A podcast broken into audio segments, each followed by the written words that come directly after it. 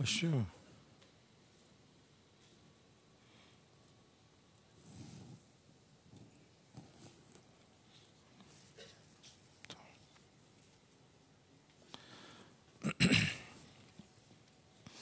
أعوذ بالله من الشيطان الرجيم بسم الله الرحمن الرحيم الحمد لله رب العالمين Ve salatu ve selamu ala seyyidina Muhammedin ve ala alihi ve ashabihi ve men tebi'ahu bi ihsanin ila yevmiddin. Kıymetli kardeşlerim, hepinizi selamların en güzeliyle, Allah'ın selamıyla selamlıyorum. Allah'ın selamı, rahmeti, bereketi, afiyeti, mağfireti üzerinize olsun.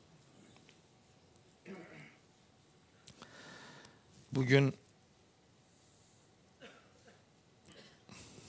inşallah Mürselat suresini bitireceğim. Tabi 29. ayetten 50. ayete kadar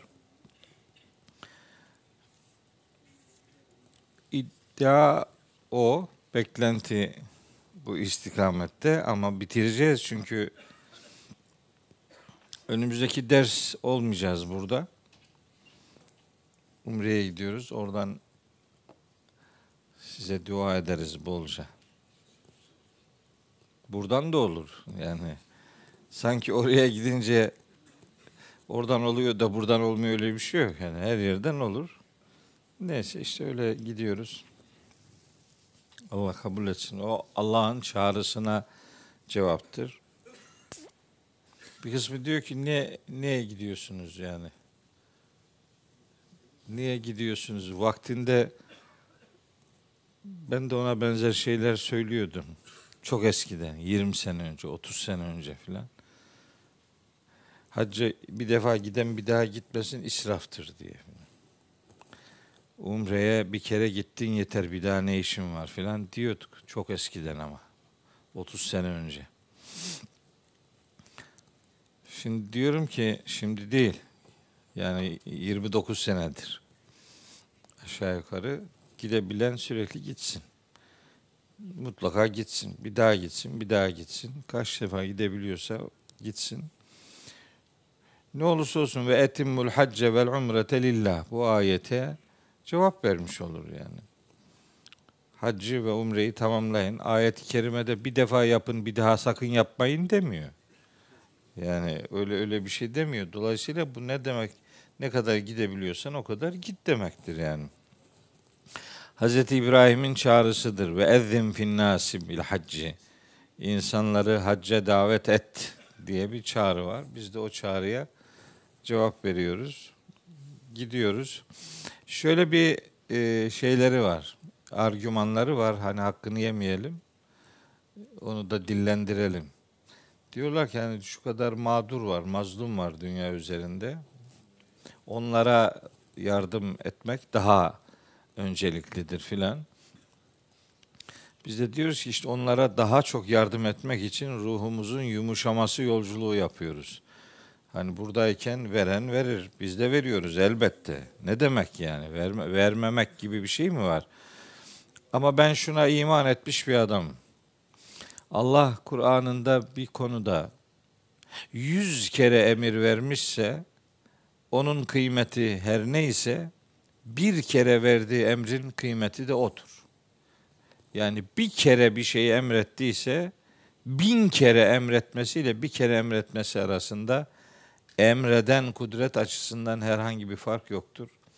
O itibarla önemi noktasında da biri daha önemli öbürü daha az önemli gibi bir kategoriye girmem. Yani hiç girmem. Bazıları beni iknaya çalışıyor. Zorlamayın. İkna olmam yani. Mümkün değil. Ben e, hacca veya, um, veya umreye gitmeyi baba koca kucağına baba ocağına, ana kucağına sığınmak gibi görürüm. Dolayısıyla insanlık tarihi kadar eski olan bir ibadet yolculuğunda eski müminlerin yaptığının aynısını yapma çabası içerisine girerim. Benimki budur. giderim. Gidebilene kaç kere gidebiliyorsan o kadar git derim. Şöyle şeyler de söylüyorlar. İşte Suudi Arabistan'ın ekonomisine yardım ediyorsunuz filan.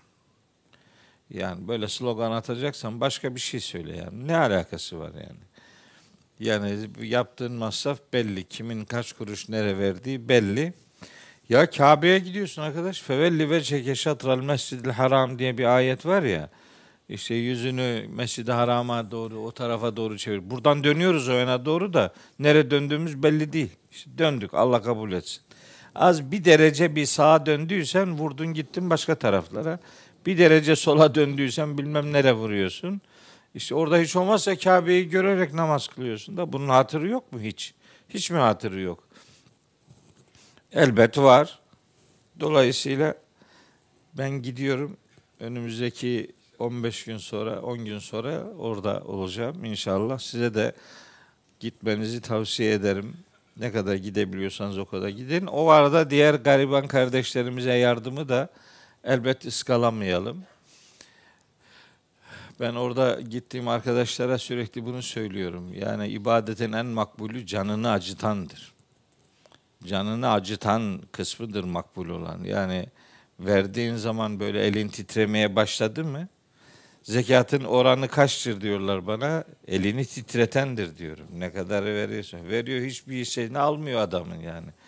Demek ki tam vermedin demektir diyorum. Daha çok vermek o ibadet noktasında ben Allah'ın emrini ikinci plana atacak bir bakışa sahip değilim. Onu peşinen ve peşinen e, söyleyeyim.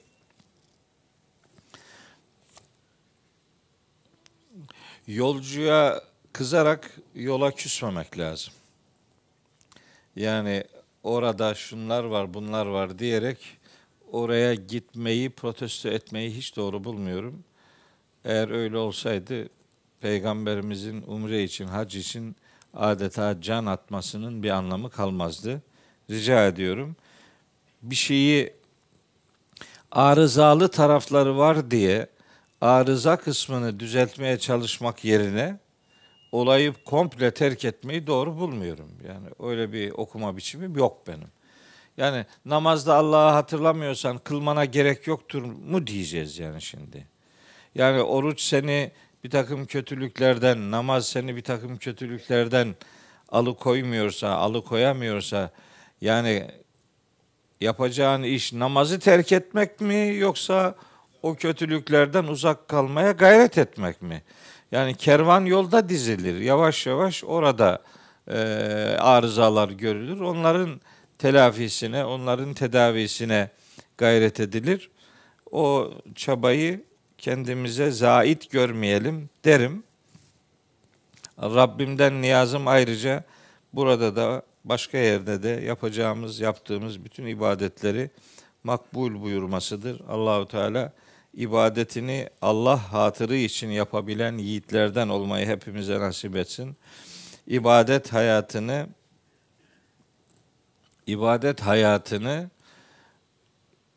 ubudiyete dönüştürebilmeyi yani ibadet dediğimiz belli ritüelleri yerine getirerek ibadet dışındaki diğer hayat pratiklerimizi de o bilinçle yerine getirebilmeyi, ibadeti ubudiyete, ömrü ubudiyete dönüştürmeyi Allahu Teala hepimize nasip ve müyesser eylesin. Oralar bizimdir. Oraları sahipsiz bırakmak bize yakışmaz. Orada arızalar varsa orayı arızayı gidermek durumunda olanlar oraya sahip çıkanlardır. Ben orayı Suudi Arabistan yeri olarak görmüyorum. Bizim yerimiz olarak görüyorum ve oraya ne olursa olsun sahip çıkmak gerektiğine inanıyorum. Onun için e, rica ediyorum. Ben, şöyle sosyal medyadan çok şey geliyor bana da e, böyle uyarı. Gitme yani demek istiyor. Namaz kılma der gibi bir şey yani. Gitme, yapma yani. Ne gerek var? Sana yakışmadı diyor bana bir tanesi. Bana bana ne yakışmadı yani? Umre'ye gitmek bana yakışmıyor mu? Kime yakışıyor bu yani? Tamam bir kere gittin yeter. Yetmedi bana. Sana yetsin kardeşim. Yapacak bir şey yok. Evet. Bir kısmı da şöyle diyor. Hocam seninle gitsek iyi olurdu. Yok benimle gitme fark etmiyor yani. Yani ne? Ben sırtıma alacak değilim kimseyi. Ben de ibadet yapacağım. Siz de ibadet yapacaksınız. Seninle gitsek çok iyi olurdu. Yok öyle bir şey yok yani. Benimle gitmenin ayrı bir şeyi yok. Herkes günahıyla gider. Orada günah işlememeye söz verir. Buraya döndüğü zaman günah işlemeyen bir hayat yaşamaya gayret eder. Dolayısıyla biriyle gidince çok daha faziletli filan olmuyor. Efendim bizim grupta filanca vardı demek ki tamamdır. Yok öyle bir şey ya. Yani ya, ne alakası var? O takımla gidince bizde takım yok. Bizimki takım oyunu değil yani. Bizimki ferdi sporlardan yanayız. Biz hepimiz tek başına yapıyoruz. Fatır suresinde öyle diyor. Sebe suresinde. Kul innema a'izukum bi vahide. Size sadece bir şeyi nasihat ediyorum, vaaz ediyorum diyor Allahu Teala. En tekumu lillahi mesna ve furada. İki veya tek kişi fark etmez. Allah için ayakta durun. Biz Allah için ayakta durmaya gayret ediyoruz. Yolculuğumuz, çabamız budur. Rabbim mahcup bırakmasın inşallah. Ee, hak ve hayır yolunda sizi de bizi de sabit kadem eylesin. Yani ayaklarını yere sabit basabilen yiğitlerden eylesin diyorum. O itibarla bu, bugün Mürselat suresini bitireceğim inşallah. Bir sonraki derste e, olmayacağız burada. Ondan sonraki derste Mürselat suresinden sonra okuyacağımız diğer sureyi inşallah sizinle okumaya gayret edeceğim. Bir sonraki dersimiz nasip olursa 2 Şubat'ta olacak. Evet. Mürselat suresinin ilk 28 ayetlik bölümünde Allahü Teala işte çeşitli varlıklara dikkat çekmiş. Son saati, kıyameti, mahşeri gündeme getirmiş. O esnada yap- yaşanacak şeylerin neler olduğundan kısaca bahsetmiş ahirete inancında sorun olan insanlara ahiret bilinci aşılamak üzere kudretine dair kainat kitabından, evrenden ve insanlardan bir takım dikkatler çekmek üzere enstantaneler ortaya koymuş. Mesela insanın yaratılışına dair bilgi vermiş.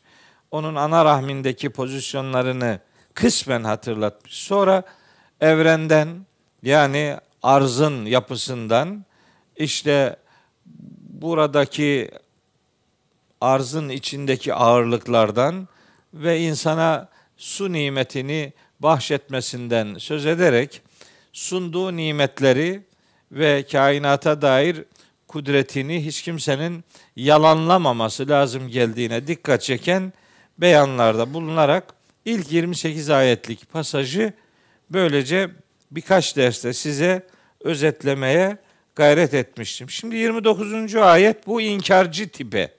Yani Mekkelilerin özellikle inkar ettiği, sahip çıkmak istemediği, ona göre bir hayat dizaynı tutturmaya yanaşmadığı ahiret bilincini e, terk etmiş olmaları nedeniyle Allahü Teala onların bu hayattaki duyarsızlıklarının öbür tarafta neye mal olacağına dair bilgi veriyor. Burada inkar edenler bunun karşılığını öbür alemde ceza olarak göreceklerdir ya da azap olarak göreceklerdir. Ona dair böyle bayağı içimizi daraltan ve cehennemle alakalı cidden korkunç denebileceğimiz bir takım hatırlatmalarda bulunuyor. Yani burada Allah'a ve onun buyruklarına karşı, Rabbimize ve onun vaatlerine karşı kör ve sağır davrananları aslında nasıl bir akıbetin beklediğini bu ayetlerde bize hatırlatıyor ve önce şu beyanıyla sesleniyor. Estağfirullah. Buyuruyor ki Rabbimiz inkarcılara yönelik.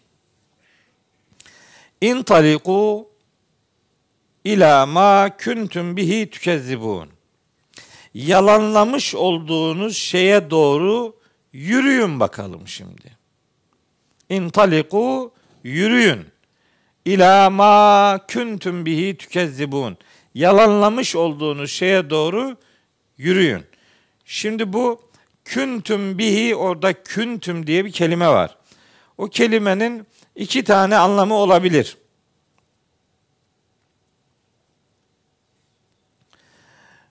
Bir tanesi daha önce yalanladığınız, yalanlamış olduğunuz manasına gelebilir.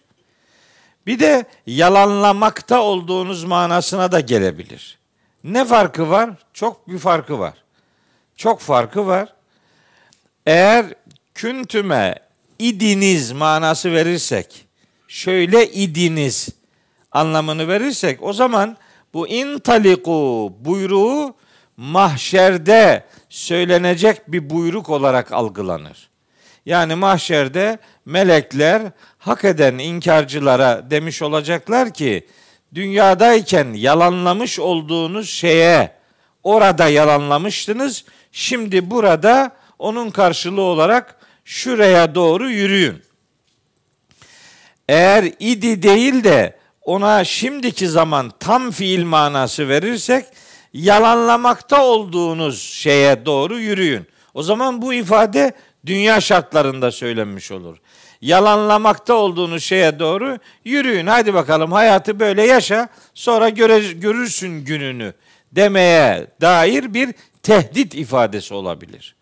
Yani o küntüm ifadesini iki türlü anlama şansımız var. Eğer idiniz manasını öne alırsak bu hitap mahşerde ilgililere yönlendirilecek diye tercüme ederiz.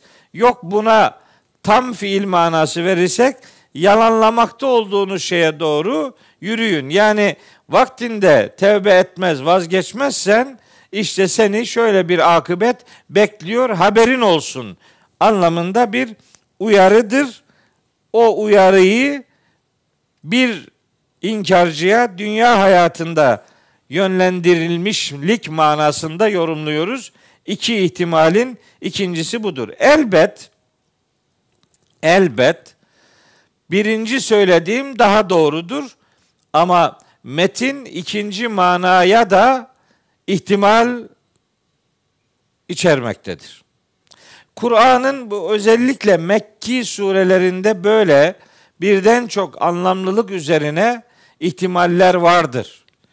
Dolayısıyla bir ayet birden çok şekilde bazen tercüme edilebilir, yorumlanabilir. Buna mani bir durumumuz yok. Dil Arapça olduğu için Arapçanın bir takım özelliklerini ayetlerde görmeye gayret ederseniz bu her iki yorumun da Kur'an'dan başka ayetlerden delilleri var zaten.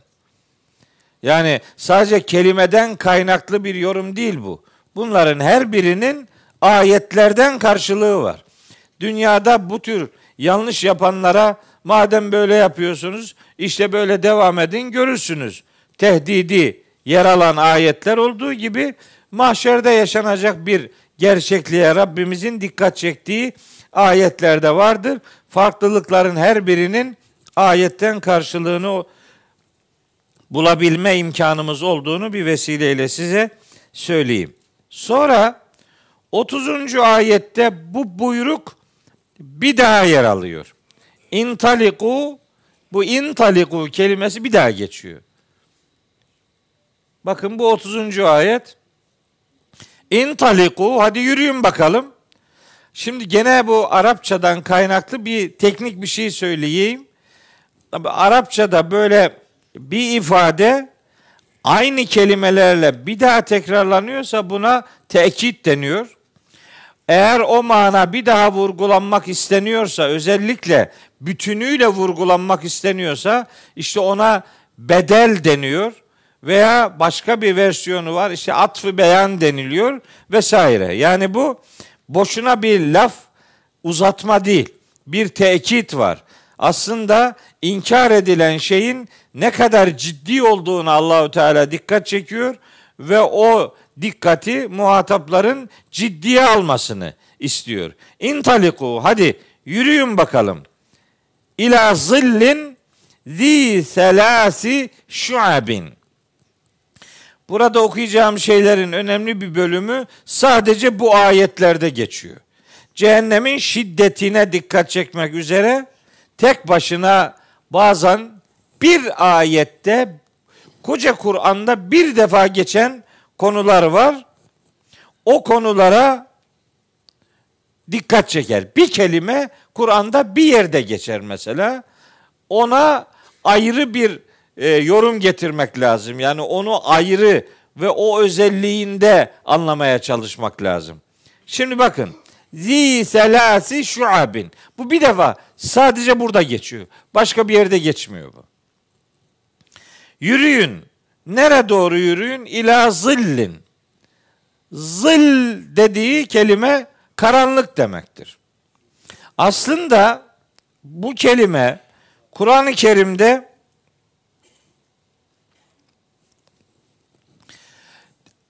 zil, zilal kelimeleri şeklinde de geçer. Bu defa cennet için de kullanılır. Daha yoğun olarak cennet için kullanılır bu kelime. Zillin kelimesi. Yani mesela e, Ukuluha daimun ve zilluha. Cennetin ödülleri de gölgelikleri de devamlıdır der. Zilluha işte orada gölgelik demektir. İnsana ferahlık veren gölge manasına gelir. Mesela ve daniyeten aleyhim zilaluha. O cennetin içerisindeki işte o bahçenin, ağaçların, yeşilliklerin gölgelikleri onlara böyle yakınlaştırılmıştır diye geçer. Mesela Yasin'de hum ve ezvacuhum fi zilalin alel eraiki. İşte fi zilalin gölgelikler içerisinde bulunur cennetlikler. Bu zil kelimesi böyle daha çok cennetlikler için kullanılıyor. Ancak bazı ayetlerde de azap için ve cehennemin şiddetini vurgulamak için de geçiyor. Demek ki kelimenin kullanıldığı bağlama göre onun hangi manada yer aldığını kavramış olacağız yani. Her zaman her yerde aynı manayı vermeyeceğiz. Olmaz. Bağlam çok önemlidir. Bağlama göre ayetlerdeki maksadı anlamaya gayret edeceğiz. Bağlamı dikkate almadığınız zaman zil kelimesi ne güzel gölge, cennetteki gölgeler için kullanılıyor. Demek ki buradaki maksat da budur gibi bir yanılgıya düşmeyeceğiz. Kur'an bu noktada bize doğru bakmamızı öğreten e, tekniklere sahiptir. Şimdi bunun felaket manasına gelen başka kullanımları var mı? Var. Yani bu zil kelimesinin cehennemle alakalı bir e, sıkıntıyı ifade eden başka delilleri var mı? Var. Ne var mesela? Zümer suresi 16. ayette lehum min fevkihim zulelun minen nari. Onların üstlerinden gelen ateşten karanlıklar var ve min tahtihim zulelun. Altlarından da karanlıklar var. Korkunç karanlıklar var. Aynı zulel, zil, zulel o aynı kökten gelen kelimeler. Sadece bu zil kelimesi burada değil başka yerlerde de geçiyor cehennem anlamında. Mesela Neyse ben daha fazla detaya gir, girmeyeyim çünkü biraz sonra bir daha gelecek bu kelime. Biraz da orada hakkında malumat veririm. Şimdi önemli olan bir karanlığa doğru yürüyün diyor Allahu Teala. Karanlığa. Nasıl bir karanlık? Zi selasi şuabin. Zi selasi şuabin. üç şubesi olan karanlığa, üç şube, üç boyutu, üç çatalı, üç, üç niteliği olan bir karanlığa doğru girin. Şimdi bu üç şube, üç çatal, üç boyut ifadesi tabi müfessirlerimizin ister istemez dikkatini çekmiş. Elbette. Mesela bizim Elmalılı Hamdi Yazır buradaki üç kelimesine bakarak o üç kelimesi üzerinden hareket ederek şöyle bir yorum yapmış. Demiş ki cehennemin üç şubeliliği onun üç çatallı oluşudur.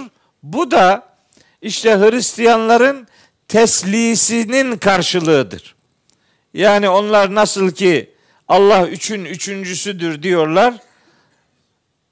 Salisü selase işte onların üçlemesinin karşılığı cehennemin üç çatallı, üç boyutlu e, halini karşılar diye böyle üç kelimesinden kaynaklı bir yorum yapmış. Ama bu tabi biraz manayı daraltan e, yorum. Nihayetinde sadece teslis üzere olanların cehennemliklerinden söz etmez Kur'an-ı Kerim. Bütün inkarcılara dair bir sunumu vardır. Onun için bunu biraz daha geniş kapsamlı düşünmek gerekiyor bu üç şube kısmını. Şimdi aslında bu üç, üç boyutluluk aslında nesnelerle alakalı düşünülebilir. Yani boy, genişlik, efendim derinlik üzerinden böyle üçlü bir ifade bu cehennemin kuşatıcılığını ifade eder. Yani her taraftan insanları kuşatacaktır manasını verebiliriz. E peki bu manayı verebilmek için elimizde Kur'ani bir veri var mı? Var. Nerede var? Mesela Araf suresi 41. ayette. Diyor ki Rabbimiz lehum min cehenneme mihadun ve min fevkihim gavaşin. Onlar için cehennemden bir işte beşik döşek vardır. Üstlerinden de onları kuşatan olduğu gibi kuşatan bir ateş vardır. Yani cehennemin kuşatıcılığını anlatır. Araf suresi 41. ayette Cenab-ı Hak benzer bir kuşatıcılık manası Ankebut suresinin efendim Ankebut suresinin bir ayetinde var. Hangi ayetinde? 54. 54. ayet, 55. ayet. Ve inne cehenneme le muhitatun bil kafirin. Cehennem kafirleri böyle kuşatıcıdır. Yevme yağşahumul azabu min fevkihim ve min tahti erculihim. İşte o gün azap onları hem üstlerinden hem ayaklarının altından kuşatacaktır. Yani bu üç boyutluluğu, üç çatallılığı böyle cehennemin kuşatıcılığı manasında anlayabiliriz deyince de işte delillerini de okumak gerekiyor. Zümer suresi 16. ayette de biraz önce okumuştum. Bu kuşatıcılık manasında bir ifadenin bulunduğunu sizlere aktarmış idim. Şimdi müfessirlerden bir tanesi Ebu Müslim el İsfahani diye maruf bir zat. Bu zatın çok güzel bir tespiti var. Doğrusu benim de kanaatim o istikamettedir. Ebu Müslim el-İsfahani diyor ki bu ayette sözü edilen üç karanlık, üç boyutlu karanlık aslında devam eden ayette açıklanıyor diyor Ebu Müslim İsfahani. Yani Kur'an'ın Kur'an'la tefsirinin belki en güzel örneklerinden biri bu ayetlerdir. Hem peş peşe birbirini açıklayan tekniğe sahip hem başka ayetlerden bu ayetlere gönderme yapabileceğimiz bir durum söz konusu. Peki Ebu Müslim İsfahani'nin görüşüne göre bu üç boyutluluğu, üç çatallılığı nasıl anlayacağız? Anlarız. Anlarız. O ayetleri biraz daha yakından baktığımızda neler söylendiğini, üçlü bir anlatımın nasıl şekillendirildiğini birazdan söyleyeceğim. Bu arada o ayete şöyle mana verenler de var. Ey nankörler, insanın duygu, düşünce ve eylemini kuşatan üç boyutlu gölgeye doğru gidin. Hani bu tefsiri bir tercümedir. Doğrudan motamot tercüme değil, yorumlu tercümedir. Bu yorumlu tercümeyi de çok dikkat çekici buluyorum. Niye? Aslında Nebe suresinde şöyle bir ayeti kerime var. Nebe suresinde. Allahu Teala cehenneme dair malumat verirken surenin 26. ayetinde diyor ki Nebe suresi 26. ayette bu cehennemle alakalı, cehennemliklerle alakalı verilen bilgiler dünyadaki pozisyonun tam karşılığını oluşturur. Cezaen vifaken der. Tam uygun karşılık. O zaman bu cehennemin üç boyutlu, üç çatallı oluşunun dünyada bizde bir şeyleri inkarcılarda, nankörlerde, insanoğlunda bu hayatta bir şeyi ıskalamanın karşılığı olduğunu görmek lazım. Buradan baktığınız zaman düşüncelerde, duygularda, eylemlerde bir takım sapmalar olursa duygu, düşünce ve eylemde sapmalar olursa bu üçlü sapma karşı tarafta öbür tarafta da üçlü bir cehenneme dönüşür. Anlamı devreye girer. Mesela biz bu üçlü üzerinden şunları rahatlıkla söyleyebiliriz. Allahu Teala insanoğluna fıtrat vermiş, vicdan vermiş. Fıtrat ve vicdan bir değer.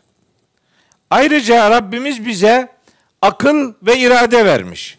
Bu ikinci değer. Devamında Cenab-ı Hak bize kitap ve peygamber göndermiş. Bu üçüncü değer.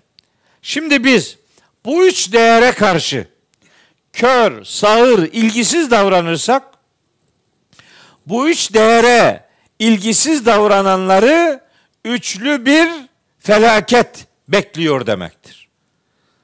Fıtratına, vicdanına, aklına, iradesine, kitabına, peygamberine mesafeli duran ya da bunların var ediliş gayesine itibar etmeyen insanlar bu üçlü itibarsızlığın karşılığını üçlü bir cehennemde, üç boyutu olan bir cehennemde bir çeşit bulacaklardır. Tehdidinin burada söz konusu olduğunu bir vesile hatırlatmış olayım. Şunun için bu detayı veriyorum. Yani ayet-i kerimelerde söylenen şeyler böyle afaki şeyler değil. Bir şeylerin karşılığıdır bunlar. Orada cehenneme dair üçlü bir pozisyon anlatılıyorsa bilinmelidir ki onu hak eden insanların burada ıskaladığı üç boyutlu bir şey var. Burada ıskaladığın o üç boyut nedir? Duygu, düşünce, eylem veyahut da bunları tetikleyici olarak fıtrata, vicdana, akla, iradeye, kitaba ve peygambere itibar etmemektir. Buradaki üçlü itibarsızlık orada üç boyutlu bir azaba düçar olmayı beraberinde getirecektir diye bir eşleştirme yapalım istedim. Ebu Müslim İsfahani'nin beyanına göre o üç boyutlu karanlığın sahibi cehennem aslında şudur. Onun oradaki üç boyutluluğundan kasıt şudur demeye getiriyor Rabbimiz. Üç tane özellik sayacak. 31 ve 32. ayetlerde Mürselat suresinin okuduğumuz ayetlerinde üç tane özellik sayacak cehenneme dair. Tabi ilerleyen ayetlerde meselenin bir cennet boyutu da gelecek tabi. Böyle hep iç karartan böyle karanlık filan hep öyle gitmeyecek. Biraz sonra daha aydınlık vaatler de gelecek. Hak edebilen yiğitlerden olabilmeyi Rabbim nasip etsin. Ama önce inkarcılara yönelik tehdit ifadelerini sürdürüyor Rabbimiz. Tabi biliyorsunuz bu surede 10 defa veylün yevme idin lil mükezzibin ayeti yer alır. 10 defa. Niye? Yalanlamayı Müslümanın gündeminden çıkarmak istiyor. yalanlamayı insanların gündeminden çıkarmak istiyor. Ama buna rağmen ısrarla yalanlayanlar olursa onları da nasıl bir sonun beklediğine burada temas ediyor ve o detayı veriyor. O üç boyutlu, üç özelliği olan cehennemin birinci boyutu la zalilin. Ah, ila zillin demişti. Onu açıklıyor bu defa. Diyor ki la zalilin orası öyle bir karanlık yer ki hiçbir gölgeleme yok. Yani insana huzur veren, insanı serinleten herhangi bir gölge yok. Bu öyle bir beyandır ki arkadaşlar Vaka suresinde buna dair Rabbimiz şöyle bir ifadesiyle bize seslenir. Bakın 43 ve 44. ayetlerinde Vaka suresinin amel defteri kendisine sol taraftan verilenlerin akıbetini anlatır. Orada der ki ve zillin min yahmumin la baridin ve la kerimin. İşte o la zalilini anlayabilmek için bu ayetleri görmek gerekiyor. La zalilin normal bir gölgeleme yok. Ama bir karanlık var. Ve zillim min yahmumin. İç karartan, adamı boğan bir karanlık orası. Zifiri karanlık. Böyle hani yangınlarda böyle petrokimya e, tesislerinin yandığı ortamlarda nasıl öyle simsiyah dumanlar çıkarsa işte cehennemin pozisyonunu da ona benzetiyor Allahu Teala. İç karartan boğucu bir karanlık var. Zillim min yahmumin la baridin ve la kerimin. Ne bir efendim soğutucu özelliği var ne de bir rahatlatıcı özelliği var. Yani cehennemde de gölgeler var ama adamı boğan, içini karartan bir nitelik, bir mahiyet arz etmektedir. Ayeti kerimenin bize hatırlattığı unsur bu. Evet. Ondan sonra ne diyelim? Bir şey daha söyleyelim. Bu karanlık neyin karşılığıdır? Dünyada bu karanlık fıtratını, vicdanını, aklını, iradesini küfürle örten, kapatan, karartan insanları mahşerde böyle bir karanlık beklemektedir diyebiliriz.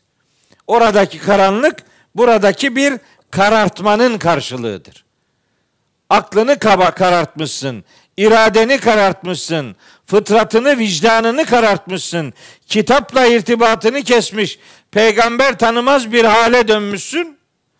Burada bu karartıcı unsurun öbür tarafta azaba dönüşeceğini Allahü Teala la zalilin ifadesiyle bize hatırlatıyor diyebiliriz. Üç boyutlu cehennemin bir özelliği bu. Ebu Müslim İsfahani'nin de tercih ettiği istikamette söylüyorum. İkincisi ve la yugni minel lehebi ve la yugni minel leheb. Böyle boğucu bir karanlık var. Ayrıca o gölge insanlardan alevi herhangi bir şekilde giderici özelliği de yok.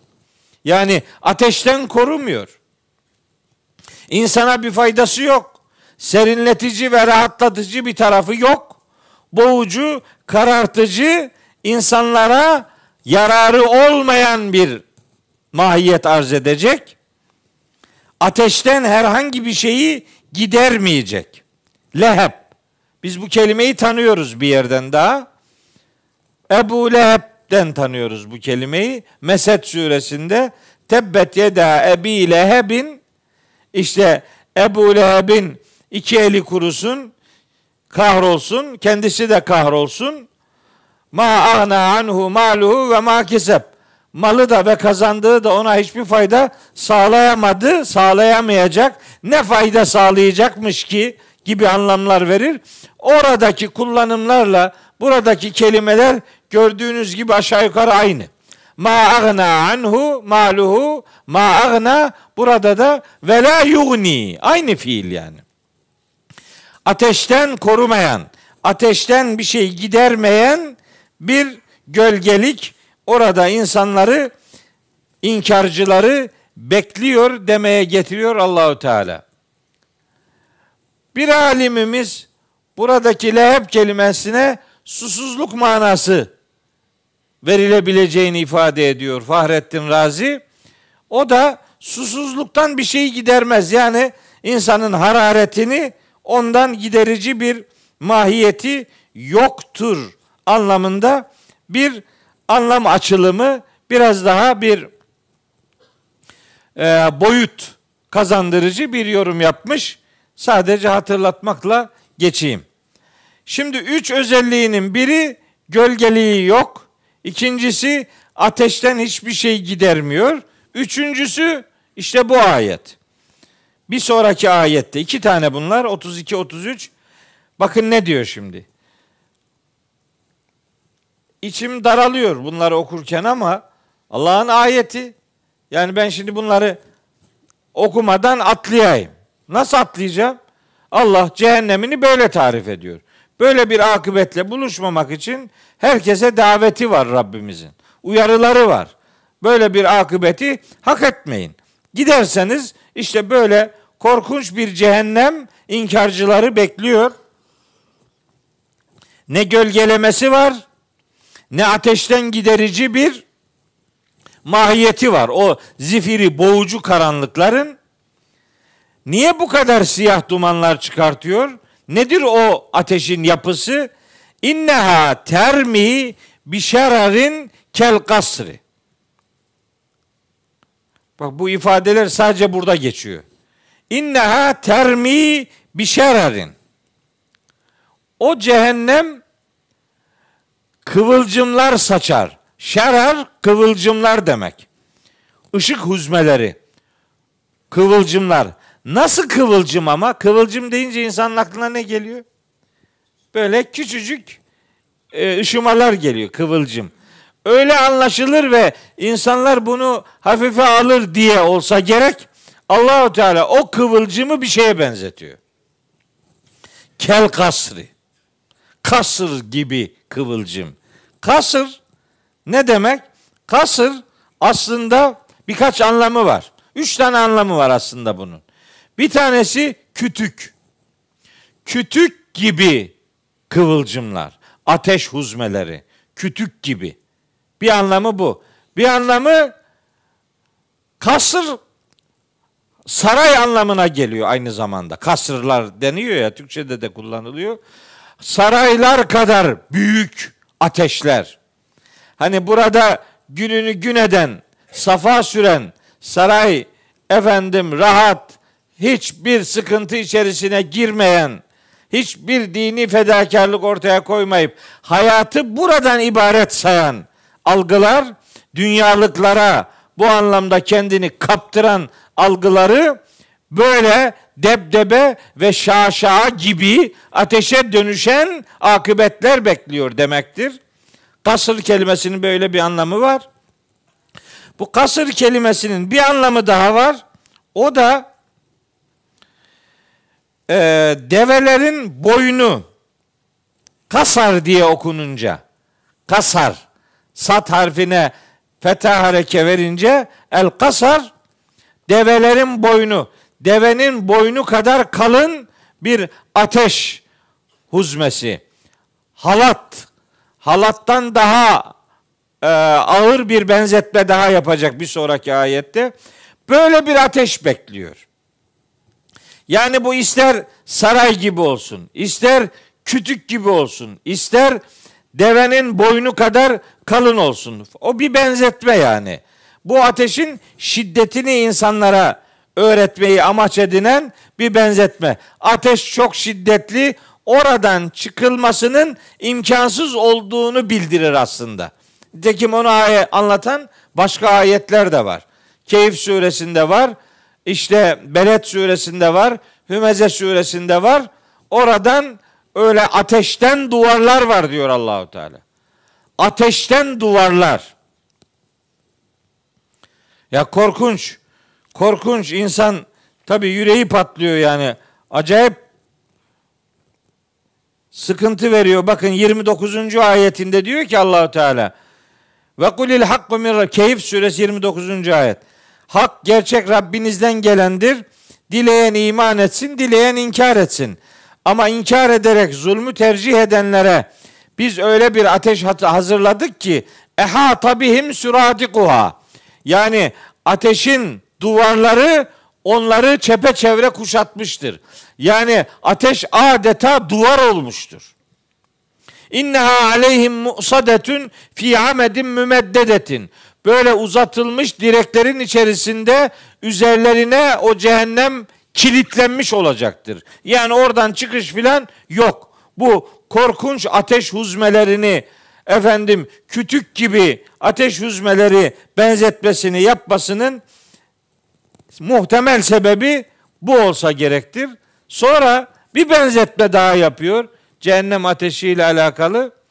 Bu defa buyuruyor ki kennehu kennehu cimaletun sufrun. Bakın bunlar da birer defa geçiyor Kur'an-ı Kerim'de. Cehennemi anlatan kelimeler. Kennehu o o şey e, ateşin durumu cimaletün sufrun. Sarı bir halat gibidir. Bu defa cimale halat manası veriyor. Cumale diye de okunuyor bu. Cumale olunca bu defa deve benzetmesi devreye giriyor. Cemel deve demektir. Cumale de deve ile ilişkili bir benzetme. Sufrun sarı, sarı siyaha çalan sarı renkte gemi halatları gibi olan kalın ateş huzmeleri onları beklemektedir.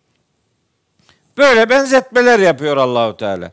Şimdi buna dayanabilecek biri varsa inkarı tercih edebilir. Böyle üç boyutlu ateşler, efendim halatlar, efendim kütük gibi ateş huzmeleri, büyük yangınlarda görülen o manzarayı biraz insanlar hayal ederlerse aslında kastedilenin ne olduğunu anlayacaklardır. Daha fazla daha da fazla bir detaya girmek istemiyorum. Çünkü devam ediyor şimdi bakın. Veylün yevme idin lil mükezzibin. Cehennemin bu yapısını inkar edenlerin o gün vay haline. Cehennemin bu özelliklerini. Hani Ebu Leheb demiş ki Mekkelilere benim 11 tane oğlum var. Siz de koca Mekke'den 8 tane kahraman çıkartın. Cehennemin zebanileri, işleticileri 19 tanedir. O 19 taneyi 19 kişiyle karşılayalım. Böylece bunun tehdit ettiği cehennemi ve onun işleticilerini alt ederiz. 11 kişi bizim evden demeye getiriyor Ebu Leheb. İşte gider görürsün bakarsın. O 11, o 19 nasıl bir şeydir? Allah muhafaza etsin. Allah hiçbirimize öyle bir akıbeti göstermesin. Şimdi devam ediyor. Bu cehen inkarcıları uyarmaya devam ediyor. Bakın buyuruyor ki harika bir ayeti kerime. Hada yevmu la yantıkune. İşte bu bugün var ya bugün yani o mahşer günü bugün insanların yani inkarcıların konuşamayacağı gündür. Şimdi diyelim ki sadece bu ayeti okudu. ne anlar bundan adam? Bundan anlaşılan şu. yani o gün konuşa, konuşmak yok. O gün kimse konuşamaz. İnkarcılar konuşamaz. Öyle bir mana akla geliyor. Evet doğrudan bu ayeti tercüme etsen nihayet ayetin dediği bu. Hada yevmu la yantıkun. Onlar bugün onların nutuk atamayacağı gündür. Nutuk atmak yok. Evet. Bu anlamı veren başka ayetler de var. Mesela Müminun suresi 108. ayette diyor ki Allahu Teala Müminun 108'de Kâlekseu fiha cehennemde çömelin ve la tükellimuni. Bugün bana kelam etmeyin. Konuşmayın yani. Diyor bu ayette. Mesela şeyde e, Tahrim suresinin 7. ayetinde buyuruyor ki Yüce Allah kafirlere seslenerek Ya eyyühellezine keferu Ey kafirler La ta'tezirul yevme Bugün özür mözür dilemeyin. Ya eyyühellezine keferu diye tek bir ayet var Kur'an-ı Kerim'de. Ya eyyühellezine amenu diye 88 tane var. Ama ya eyyühellezine keferu diye de bir ayet var. İşte o bu. Tahrim suresi 7. ayet. Ey kafirler la ta'tezirul yevme. Bugün özür dilemeyin. Hiç gıkınız çıkmasın demeye getiriyor. E bu ayette de diyor ki o gün onların konuşamayacağı gündür. Birkaç ayeti beraber kullanılın, kullanınca orada konuşulamayacağı kanaati biraz güçleniyor. Orada konuşma yok. Fakat doğru bir Kur'an okuma konuyla ilgili bütün ayetleri bilmeyi gerektirir. Yani sadece bir veya birkaç ayete bakarak bir konuda karar vermek, hüküm vermek doğru değildir. Bütüncül bir okuma yapmak gerekiyor. Onunla ilgili diğer ayetleri de görmek gerekiyor. Onları görünce ne oluyor? Bir, bir defa iyiler orada konuşacak. Bunda hiç şüphe yok. Cennette konuşacaklar. Birbirlerine esenlik dileyecekler. Selam verecekler. Hani Yunus suresi 10. ayet olduğu gibi onları anlatıyor. Vaka suresinde de var. Zümer suresinde de var. Efendim başka surelerde de var. Konuşulacak. Hatta Araf suresinde şu ifadeler var. Ve nada ashabul cenneti ashaben nari. Ve nada ashabun nari ashabel cenneti. Yani cehennemlikler cennetliklere seslenecek. Cennetlikler cehennemliklere seslenecek filan diye böyle iki türlü seslenmeler var. Yani konuşmalardan söz eden ayetler de var. Anlaşılıyor ki o mahşerin şartlarında yer yer konuşulabilen ortamlar olacak. Ama zaman zaman konuşulamayacak ortamlar da olacak. Yani konuşul, konuşulan yerler de var, konuşulamayan yerler de var. Konuşulamayan yerlerle alakalı şöyle bir tespitimiz olabilir. Hüküm verildikten sonra cehennemlikler herhangi bir özür beyanında bulunamayacaklar. Herhangi bir mazeret girişiminde bulunamayacaklar. Onlara izin filan verilmeyecek, özür de dileyemeyecekler.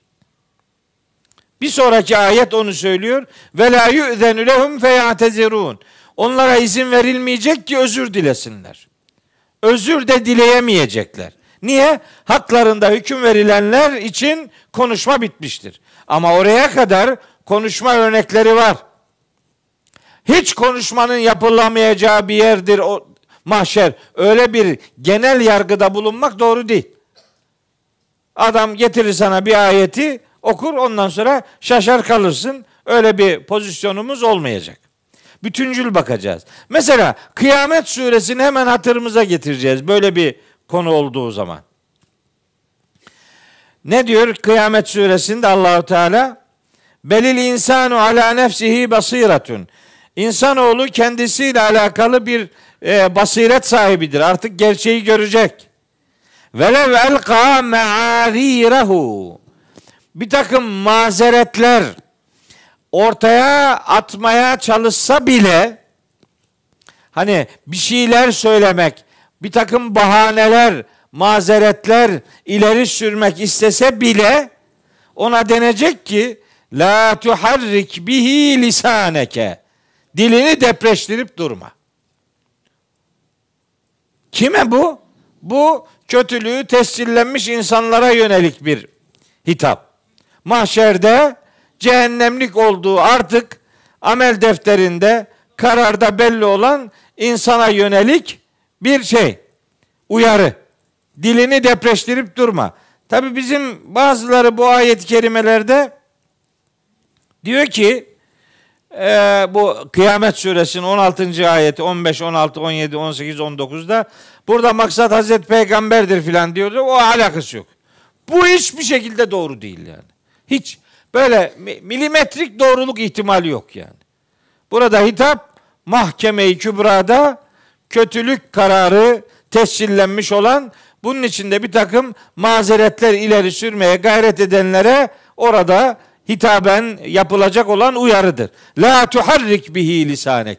Dilini depreştirip durma.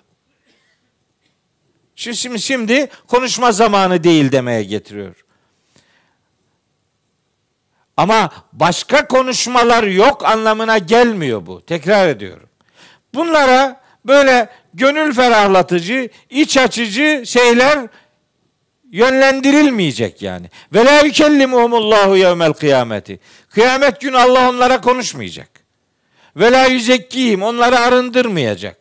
Yani iyilikten yana bir şey duymayacaklar, duyamayacaklar. Özür dilemek imkanı onlara verilmeyecek. Niye? İşte bakın bir sonraki ayet bu ayetlerde hep bir takım pişmanlıklar, suçluluk itirafları olacak, karşılıklı suçlamalar olacak. İşte sap, saptıranlar, sapanlara, sapanlar saptıranlara, bu arada şeytana bir takım sataşmalar olacak filan. O konuşmaların yaşanacağını Kur'an bize işte şu kadar ayette bildiriyor. O bütün ayetleri teker teker taradı. Konuşmaların yapılacağı ayetler. E konuşmanın yapılamayacağı beyan ediliyorsa aslında maksat ne? O kötülüğü tescillenmiş insanların bir mazeret ileri sürme çabalarının dikkate alınmayacağını Allahu Teala onlara söylemiş oluyor. Onu hatırlatıyoruz böylece. Başka ayetler de var. Neml suresi 85. ayet. Nutuk atamayacaklar diyor o ayette de. Yani la tekellemu kelam edemeyecek o gün bazı insanlar. Evet öyleleri var. Mazeret ileri sürmeye gayret edenler olacak. Ama bu asla bir fırsata dönüşmeyecek. Çünkü bakın bu ayet onu ortadan kaldırıyor. 36. ayet. Ve la yu'zenu onlara izin verilmeyecek ki feyatezirune özür dilesinler. Özür dilemelerine izin verilmeyecek diyor Allahu Teala. Bununla alakalı başka ayetler de var. Bakın ben size söyleyeyim başka ayetler. Mesela Nahl suresinde var. 84. ayette. Bakın hemen hatırlatıyorum. Nahl suresinde ve thumme la yu'zenu lillezine keferu ve lahum yusta'tebun. O gün kafirler için herhangi bir izin verilmeyecek, özür dilemeleri de onlardan istenmeyecektir. Nahl suresinin 84. ayeti. Mesela bakın Mümin suresinde şöyle bir ayet-i kerime var. Mümin suresi ayet-i kerimede buyuruyor ki Yüce Allah 52. ayeti. Yevme la yenfe'u zalimine maziretuhum. Mazeret çabaları o gün zalimlere hiçbir fayda vermeyecek. Ve lehumul lanetu. Onlar için lanet söz konusudur. Ve lehum su'uddari ve bu yurdun kötü sonu onları beklemektedir. Yani orada böyle hadi bakalım depreştirelim, çabalar sarf edelim. Belki durumu kurtarırız. Biri gelir kurtarır, öbürü gelir kurtarır filan. Kimse kimseyi kurtaramaz. Herkes orada hayatına dair hesabını herkes kendisi verecektir. Bu kesin yani. Kalkıp da buradan oraya kurtarıcılar göndermek doğru bir çaba değildir. Nihayet bunlar işi kurtarmaya yetişmeyecektir. Farklı boyutlarının olduğunu meselenin Böylece size hatırlatayım istedim. Rum suresi 57. ayette de benzer bir uyarı var. Onu geçiyorum. Sonra Rabbimiz buyuruyor ki Veylün yevme izin lil mükezzibin. Mahşerde özür dilenemeyeceği gerçeğini yalanlayanların o gün vay haline. Bütün veylün yevme izin lil mükezzibin cümleleri kendisinden önceki mesajı yalanlamayla ilişkili anlaşılmalıdır. Yoksa bunlar sadece laf olsun diye yapılmış bir tekrar beyanları değildir. Bu gerçekleri yalanlayanların o gün vay haline diyor Allahü Teala. Devam ediyor mahşeri anlatmaya. 38. ayette buyuruyor ki: "Hada yevmül fasli." İşte o gün fasıl günüdür. Fasıl günü buradaki fasıl şeylerine benzemiyor yani. Burada burada da fasıl günleri oluyor. Oradaki buna benzemiyor. Hada yevmül fasli. Bunu anlatmıştım daha önce şeyde Mürselat yani bu surenin 12, 13, 14. ayetlerini anlatırken e, dile getirmiştim. Oraya bir daha gönderme yapıyor Allahu Teala. Hada yevmül faslı. İşte bugün hükmün ayrıntılı olarak verildiği gündür. Fasıl günü insanların hükümlerinin önlerine fasledildiği, ortaya konulduğu, açıklandığı gündür. Yafsılü beynehum yevmel kıyame. Allah onların arasını açacaktır. Yafsılü beynehum. Hac suresinde geçiyor. Allah onların arasını açacaktır. Bakın kimin? Hemen o ayeti bir hatırlatayım size. Hac suresinin 17. ayeti. İnnellezine amenu vellezine adu ve sabiine ve nasara vel mecuse vellezine eşrekû işte iman edenler, Yahudileşenler, Sabiiler, Hristiyanlar, Mecusiler ve müşrikler sayıyor onları. Ondan sonra buyuruyor ki İnna Allah yafsilu beynehum yevmel kıyame. Allah kıyamet günü bunların arasını açacaktır. Yani öyle hepsi aynı yere toplanmayacaktır. Kimin nereye gitmeyi hak ediyorsa herkes oralara gönderilecektir diye ifadeler mutlaka kullanalım. İnna Allah ala külli şeyin şehit. Allah her şeyin hakkıyla şahididir diye beyanı var. Fasıl günü herkesin amellerinin kalibresinin, kalitesinin ne olduğu ortaya çıkacaktır. Bu hükümlerin detaylı verilmesiyle alakalı bir sürü ayet var Kur'an-ı Kerim'de. Cidden yani hatırı sayılır ayetler var. Ama bunun mesela en can alıcı olanı e, en can alıcı olanı mesela Mümtehine suresinde geçer. Mümtehine suresinde insanların arasının açılacağından söz eden bir e, beyan var. E, yani detayına girmek istemiyorum. Çok uzun sürecek o detayı vermek ama kan bağıyla birbirine yakın olanlar kan bağıyla. Yani babasıdır, oğludur, annesidir, kızıdır, kız kardeşidir vesaire. Kan bağıyla kan bağıyla birbirine yakın olanlar bilsinler ki kan bağı yakınlığı onlar için bir kurtuluş vesilesi olmayacaktır. Sadece kan bağı işi görmeyecektir. Sureten birliktelikler işi görmeye yetmeyecektir. Hani peygamberimizin harika bir hadisi var. Allah buyuruyor ki inna Allah la yanzuru ila suverikum ve eczadikum velakin yanzuru ila kulubikum ve amalikum. Yani Allah suretlerinize bakmaz, cesetlerinize bakmaz, maddi dünyanıza bakmaz. Babam oydu, dedem şuydu, nenem buydu gibi atalarıyla, dedeleriyle övünmeyle alakalı değil. Biliyor musun ben kimin oğluyum? Kimin oğlu olursan ol çok iş. Tilke ümmetün kat Onlar birer ümmetti geldi geçtiler. La ma kesebet ve leküm ma keseptüm. Onlar ne kazandıysa iyilikleri lehine kendilerine, kötülükleri de aleyhinedir. Ve la tuselûne amma kânû ya'melûn. Siz onların yaptıklarından sorgulanmayacaksınız. Onlar kendi işlerini, kendi hesaplarını Allah'a verecekler. Siz de öyle. Yani ben şöyle şeyler söylüyorum. Sureten sureten e, birbirinden olmak kurtuluşa vesile değildir. Sireten birbirinden olmak adamı kurtarır. Sureten, şeklen değil. Sireten, ahlaken. Çünkü sureten insan olmak, filancanın oğlu olmak, filanca coğrafyada doğmak, filanca cinsiyetten olmak bunlar birer kaderdir. Ancak sireten bir şeyi tercih etmek erdemdir. Bizi kurtaracak olan sireten yani tercihlerimiz doğrultusunda yaptığımız yönelişlerdir.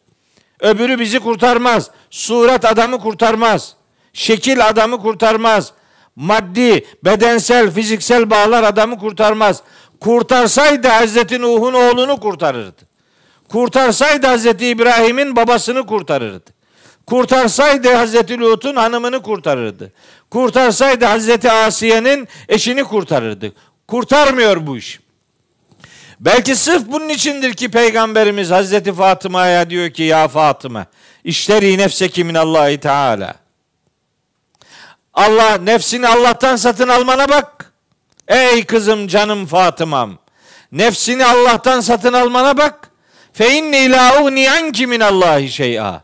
Allah'tan gelecek bir azabı gidermede senden hiçbir şey karşılayamam haberin olsun.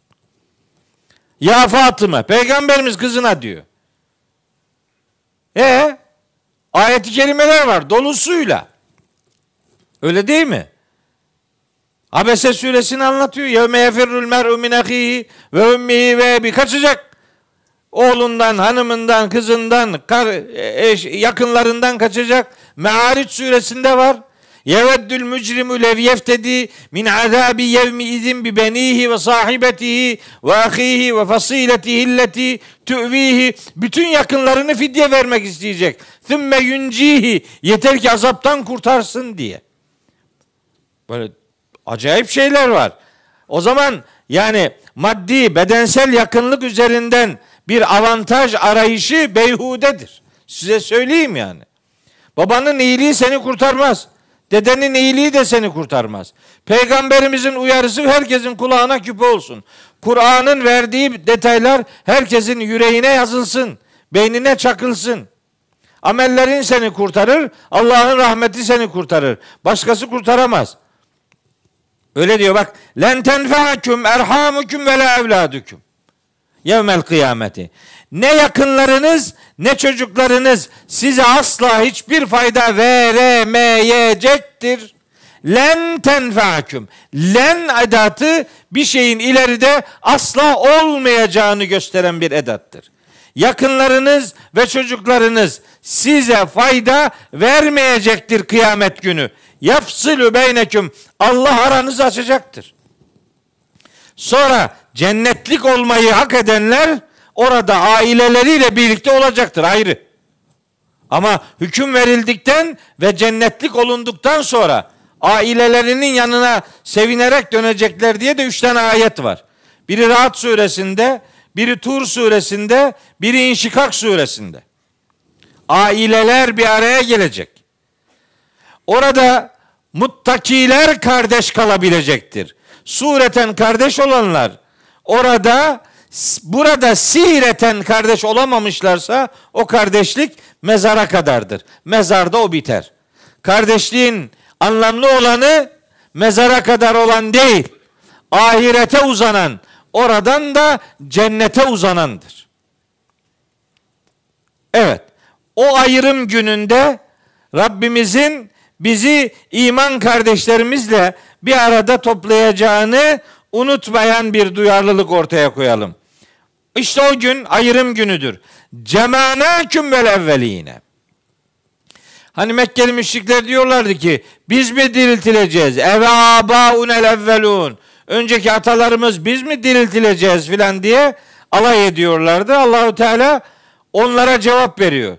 Cemanâküm vel evveline. Bak inkar edip duruyordunuz. İşte sizi de sizden öncekileri de hepsini topladık. Şimdi buna dair aslında söylemek istediğim bir sürü ayet var ama Oraya yazdım. O detaya girmeyeyim artık. 39. ayette bir meydan okuma var. Buyuruyor ki Rabbimiz.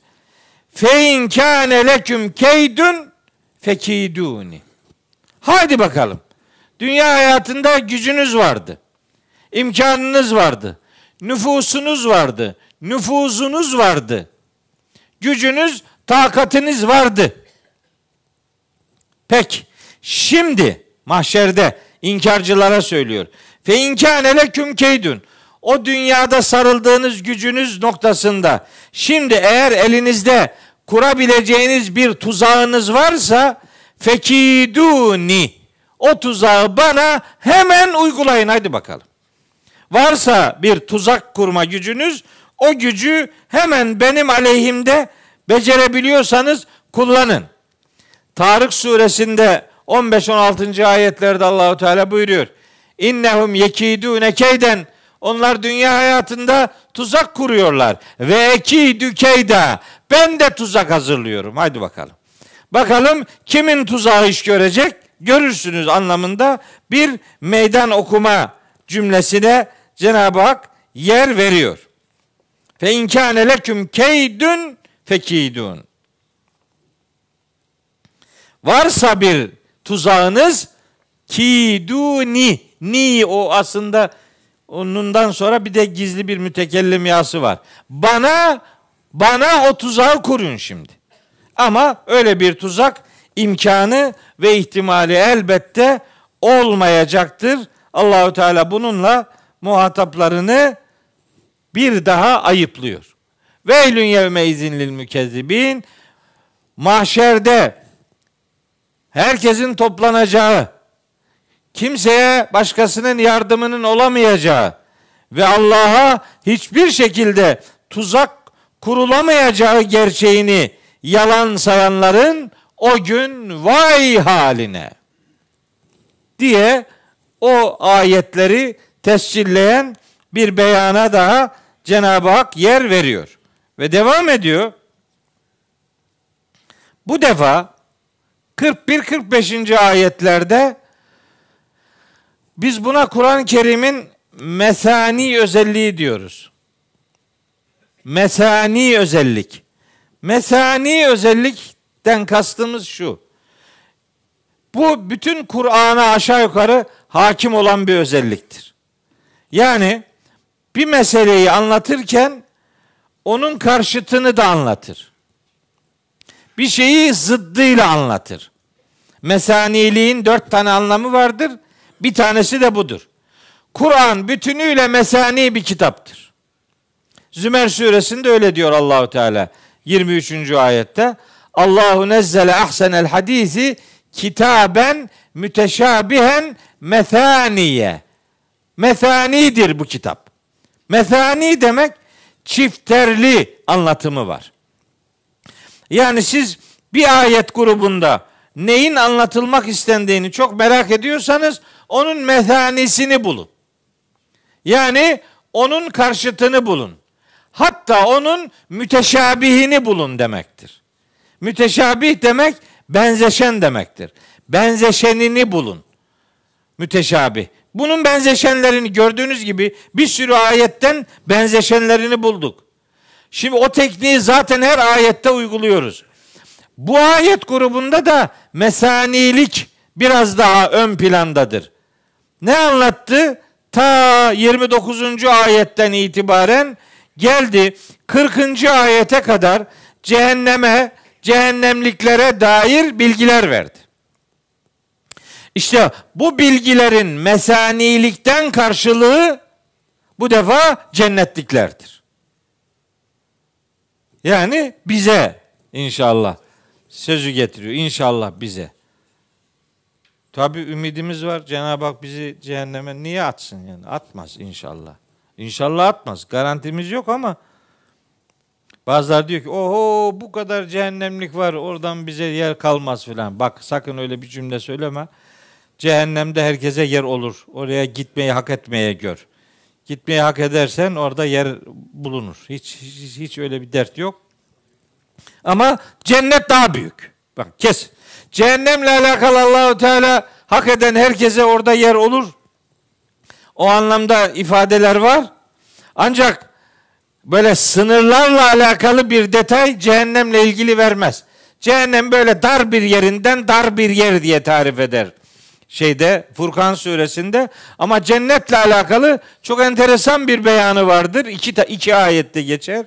Biri Ali İmran suresi 133. ayet, öbürü de Hadid suresi 21. ayet. Her iki ayette de birbirine yakın ifadelerle der ki işte ve sari'u ila mağfiretin min rabbikum Rüştü abi herhalde e, şu e, uyku bastı. Böyle uykusu uyku basıyor böyle. Adam buralarını şey yapıyor. Ulan uyumasam ne yapsam filan diye. Öbür yan taraftaki abinin adını unuttum. Onu söyleyecektim de. Ahmet, Ahmet abi uyuma gözünü seveyim bak. Kur'an-ı Kerim adamı uyutmaz. Uykuları kaçıran kitaptır bu kitap. Filan böyle ister istemez bir mahmurluk çöküyor. Burası sıcak. Bir de cehennem cehennem cehennem insan ya içi kararıyor. içi kararınca gözleri de kararıyor adamın. Yani dolayısıyla hadi şimdi uyanalım. İnnel muttakine. Muttakiler. E, muttakiler diyor ama şimdi. Muttakiler fi zilalin ve uyunin. Ah onlar da zilaldedir. Bak öbür tarafta da zıl kelimesi geçmişti. La zalil demişti. Burada da zilal kelimesi geçiyor. İşte bu gölgelik. Bu esenlik veren, huzur veren, serinlik veren gölgelik. Ona dair birkaç ayet hatırlatacağım.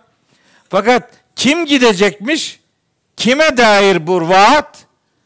Bu müjde muttakilere ait. Muttaki olmak gerekiyormuş. Cennetteki o gölgeliklerden ve su kuyularından ve canın istediği her tür meyvelerden istifade edebilmek için muttaki olmak gerekiyormuş. Hani ben biraz daha okuyayım sonra hafif detaya gireceğim. İnnel muttakine muhakkak ki muttakiler fi zilalin gölgeliklerde olacaklar ve uyunin pınar başlarında olacaklar ve fevakihe mimma yeştehune iştahlarının çektiği türden her tür meyvele, meyvelerin içinde olacaklar ve onlara denecek ki külü ve şerabu heniyen afiyetle yiyiniz içiniz denecek. Niye? Niye yiyiniz içiniz denecek? Bima küntüm ta'melune. Dünyada yapmış olduklarınızın karşılığı olarak.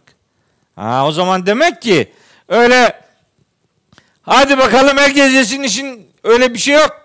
Bir fedakarlığın karşılığına gönderme yapıyor. Bakın burada emek vermeyene orada yemek vermezler. Emeği olmayanın ekmeği de olmaz. Burada ekmeyen orada biçemez. Burası fedakarlık, orası ödül yeridir.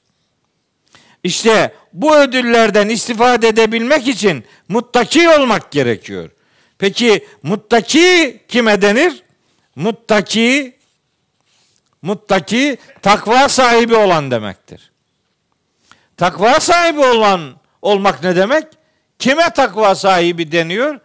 Bizim coğrafyada her takım kendisine göre yeni bir takva e, şablonu çıkartıyor. Gruba uygun takva. Her grubun kendine göre bir takva listesi var. Hiç kimse yalandan bir liste yapmasın. Kimin muttaki olduğunu Kur'an söylüyor.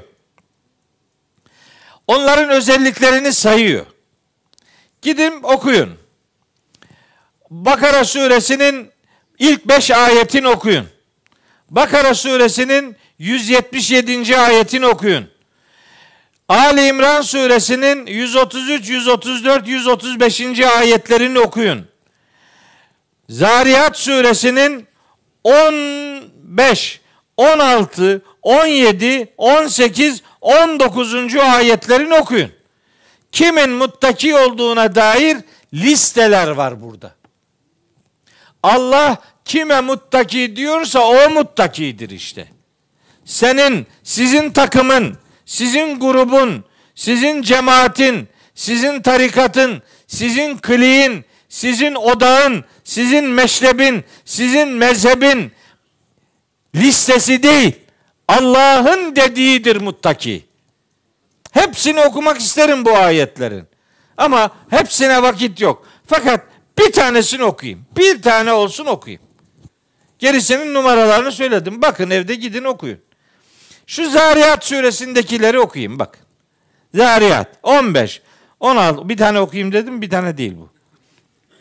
Kısa kısa ama. İnnel muttakine muttakiler. Muttakin kelimesi biliyor musunuz? Müzekker çoğul bir kelimedir. Yani erkek takva sahipleri. Erkek olanlar. Kadınlarla ilgili muttakin kelimesinin böyle kadın versiyonu yok. Onun için diyor ki mesela Nebe suresine açıyor. Bak Nebe suresine diyor ki innelil muttakine muttaki burada geçiyor aynı. Surenin 31. ayeti. Muttakiler için var. Ne var? Mefazen büyük başarı, kurtuluş. Ve hadaika bahçeler var.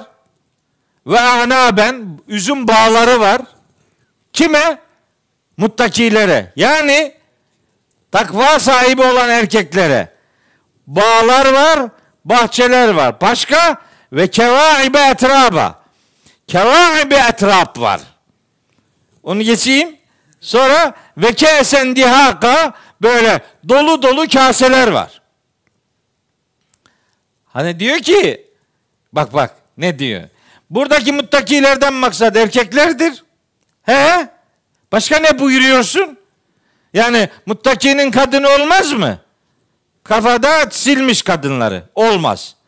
Nitekim o kadar olmaz ki bu muttaki erkeklere başarı var, ödül var, bağlar var, bahçeler var ve kevaibe etraba var. Şimdi bu erkeğe verilir bu.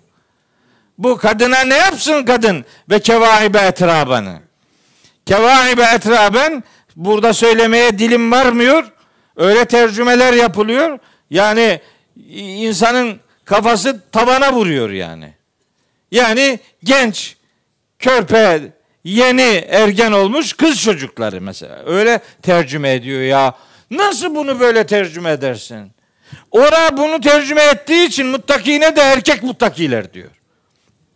Erkek muttakilere genç kızlar ödül verilecektir. Allah'ım ya Rabbi. Allah'ım ya Rabbi. Allah'ımın adına kurban olayım ya Rabbi. Bu kitabının yorumlarını ne hale getirdi bu ümmet ya? Nasıl tak, tepe taklak ettiler bu ayetleri? Bu ayetlerde kasıt asla ve asla o değil ya. Asla o değil be. Muttaki, takva sahibi, erkek ve kadın fark etmez. Eğer kadınlarla alakalı özel bir detay hüküm varsa kadın kalıp kullanılır. Değilse bütün müminler her hitabın muhatabıdır. Ya ellezine amenu ifadesine iman eden herkes girer. İman eden erkekler demek değil bu. Bütün iman eden herkes demektir. Onun için cuma bütün müminlere farzdır. Sadece erkeklere değil kadınlara da farzdır. Ekimus salate ifadesi sadece erkeklere yönelik bir namaz emri değil, herkese yöneliktir. Cinsiyet üzerinden değil, şahsiyet üzerinden buyruklardır bunlar. Yapmayın gözünüzü seveyim ya. Yapmayın. Ne acayip taksimatlar yapıyoruz böylece. Muttaki erkeklere işte cennet vardır, bağlar vardır, bahçeler vardır. Peki kevaibe etraba ne demek? Kevaibe etraba birbiriyle uyumlu üzüm salkımları demektir. Ve kevaibe etraba demek topraktan çıkan yumru şeklindeki meyveler demektir. Toprak, bağ, bahçe, üzüm, yumru, turp, murp neyse onlardır. Ve kesen dihaka ve dolu onlardan, o üzümlerden, o meyvelerden oluşturulmuş kaselere doldurulmuş içecekler vardır. Bunu kadın da içecek, erkek de içecek inşallah. Ama kevaibe etrabana öyle yeni La havle ve Adam diyor ki bir kadın burayı okuyunca bu tercümeyi Ben öyle cennete gitmem diyor. Kapat bu kitabı. Bu cennette bize bir şey yok diyor. Kapat. Bunu dedirtmeye kimin hakkı var ya? Allah Allah. Allah'ım ya Rabbi ya. Neyse innel muttakine bütün muttakiler yani. Takva sahibi olan bütün yiğitler. Cinsiyet üzerinden değil, şahsiyet üzerinden bütün yiğitler. Fi cennetin ve uyunin. Bahçelerde ve su pınarlarında olacaklar. Ahidine ma atahum rabbuhum. Rablerinin onlara verdiği nimetleri alıyor pozisyonda olacaklar. İnnehum bu adamlar kanu kable zalike muhsinine. Bundan önce yani ahiretten önceki hayatlarında yani dünyada muhsinine. Muhsin insanlardı bunlar. Aynı kelime biraz sonra burada da gelecek. Muhsin insanlar. Muhsin demek. Muhsin demek. işini düzgün yapan insan demektir. Hazreti Peygamber'in ifadesiyle el ihsanu en ta'budallaha keenneke terahu fe in lem tekun terahu fe innehu yarake. İhsan Allah'ı görüyormuşsun gibi ona kulluk etmendir. Sen her ne kadar onu görmüyorsan da o seni görüyor. Muhsin demek hayatı Allah'ın şahitliğinde yaşayabilen yiğit insan demektir. İşte onlar muhsin insanlardı dünya hayatında. Peki ne yaparlardı bunlar? Cümleye bakın 17. ayet Zariyat suresi. Kanu kalilen minel leyli ma yehcaune. Onlar geceleri çok az uyurlardı. Ha? Uydu mu sana? Uymadı. Bitmedi. Ve bil esharihum yestağfirune. Onlar sahur, sahur vakitlerinde, seher vakitlerinde bağışlanma dileğinde bulunurlardı. Nerede adam uyuyor be? Uyuyor. Yata. Karpuz karpa kabak da yata yata büyürmüş. Yat kardeşim ya sürekli yat. Akşamdan sabaha kadar yat. Sabahtan akşama kadar da zaten yatmış olursun. Öyle diyor. Ben demiyorum ki. Benim sözüm değil ki. Sözü olan Allah'a söylesin. Az uyurlardı diyor gece. Gece hiç uyumazlardı demiyor ama az uyurlardı diyor. Uykusuna hükmeden adamlardır muttakiler. Uykusuna mağlup olan adamlar değiller. Ne kadar uyursan o kadar daha uyumak istersin kardeşim. Uykunu kontrol altına alacaksın. Hiç uyuma diyen yok. Ama kontrollü uyu. Yatağa mahkum olma. Bizim yatakla alakalı değil mi mahkumiyetlerimiz var. İstihare var mesela. Yat. Ha bile yatıyorsun, uyuyorsun. Uykuyu bir rüya gör, bir daha gör, bir daha gör, bir daha gör. Yediydi, olmadı, ondu, olmadı, on beşli. Yatağa mahkum ediyorsun. İstişarelik işleri istihareye terk ettik. Bir işi yapmak istemiyor o arada diyor ki istihareye yattım, işte onu iyi görmedim. Tabi, evet, bütün melekler sıraya girdi, seni bekliyorlar yani. İstemiyorsan isteme. Bu evliliklerde çok olur be. Vermek istemiyor, veremiyorum da diyemiyor. Kızı vermek istemiyor. Veremiyorum da. İstihare yaptım iyi çıkmadı. Tabi. Ben bir ara rahmetlik babamla çok eskiden e, yani kaç 20-25 sene önce filan bir seçim zamanıydı. İşte o zaman daha yeni oy, oy kullanacağım. Babama dedim ki baba hangi partiye oy vereyim? Babam dedi ki görmüyor mu gözlerin? Bakmıyor musun işte? Kim sana daha yakınsa kim senin için daha kıymetli bir duruş ortaya koyuyorsa ona ver. Ya işte diyorum o da var şu da var filan. De, tamam istihare yap dedi. Ben de istihare yaptım. Yani nasıl yaptıysak işte yani. İstihare yaptım. İstiharede birini gördüm. Sabah geldim babama dedim ki baba istihare yaptım dedim bu akşam filancayı gördüm. Babam dedi ki he dedi beni düşünseydin beni görürdün dedi. Kimi düşünürsen onu görürsün dedi. Aynen öyle. Kimi düşünürsen. Bir de başkaları adına istihareye yatanlar var. Ne hayırdır sen niye yatıyorsun ya? Sana ne yani? Memleketin idaresi sana mı terk edildi? İstihareciler var. Yatıyor bir şey görüyor oradan sana yat kardeşim ya yatıyor ümmet zaten sen de yat ya. Evet ama Allah yatmayanlardan söz ediyor. Kanu kalilen minel leyli ma yehcan. Secde suresinde diyor ki tetecafa cunubuhum anil madaci. Benim iyi ayetlerime gerçekten iman edenler sırtlarını, yanlarını döşeklerden ayıranlardır diyor. Öyle diyor işte. O öyle diyor. Biz başka türlü gidiyoruz. Bilmiyorum nasıl olacak. Seherlerde bağışlanma dileğinde bulunurlar. Ve fi emvalihim hak ve fi emvalihim hakkun lissaili vel mahrum. Açıktan isteyen ve utandığı için isteyemeyen garibanların onların mallarında hakları vardır. Muttakiler bunlardır. Bu ayetlerde. Başka ayetlerde de başka detaylar veriliyor. Aman o ayetlere kulak kabartalım isterim. Kardeşlerimin Allah'ın muttaki dediği insanlar dan olması için çaba sarf etmeleri gerektiğini onlara da kendimize de hatırlatırım. İşte bu muttakiler. Kadın olsun erkek olsun fark etmez. Burada cinsiyet üzerinden değil, tekrar ediyorum. Şahsiyet üzerinden bilgiler veriliyor. Cehenneme gidenlerle alakalı da orada onu demiyorlar. İntaliku bu da müzekker erkek kalıp hadi yalanladığınız cehenneme gidin. Erkek kalıp desene sadece erkekler girecek. Orada demiyor. Ve elün yevmeydin lil mükezzibin. Mükezzibin o da erkek kalıp. Orada demiyor. Namaz oruçta erkek kalıp sadece erkekler tutsun demiyor. Ama sıra cennete gidince, cennet ödüllerine sıra gelince orada böyle bir kadınlarla ilgili yer mi yok orada ne varsa bilmiyorum. İşte öyle bir sunum var. Böyle bir sunum bu ağızdan çıkmayacak hiçbir zaman. Allah'a hamdolsun. Evet. İnnel muttakine fi zilalin ve uyun. Muttakiler işte gölgeliklerde olacak, su pınarlarının başında olacak. Yani yukarıdaki cehennemliklerle alakalı verilen bilginin zıddı işte bu. Mesanisi.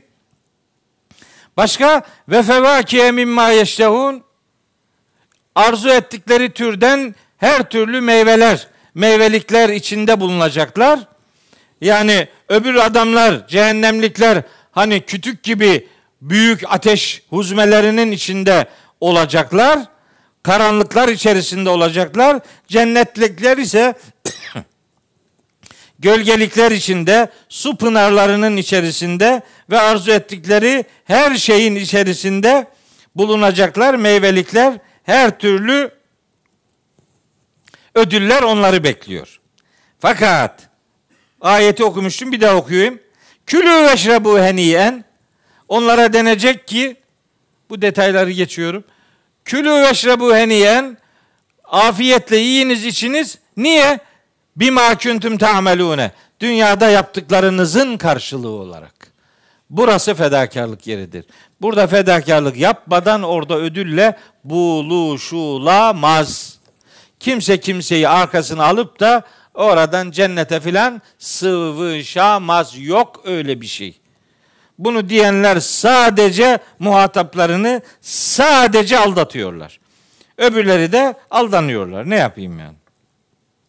Evet.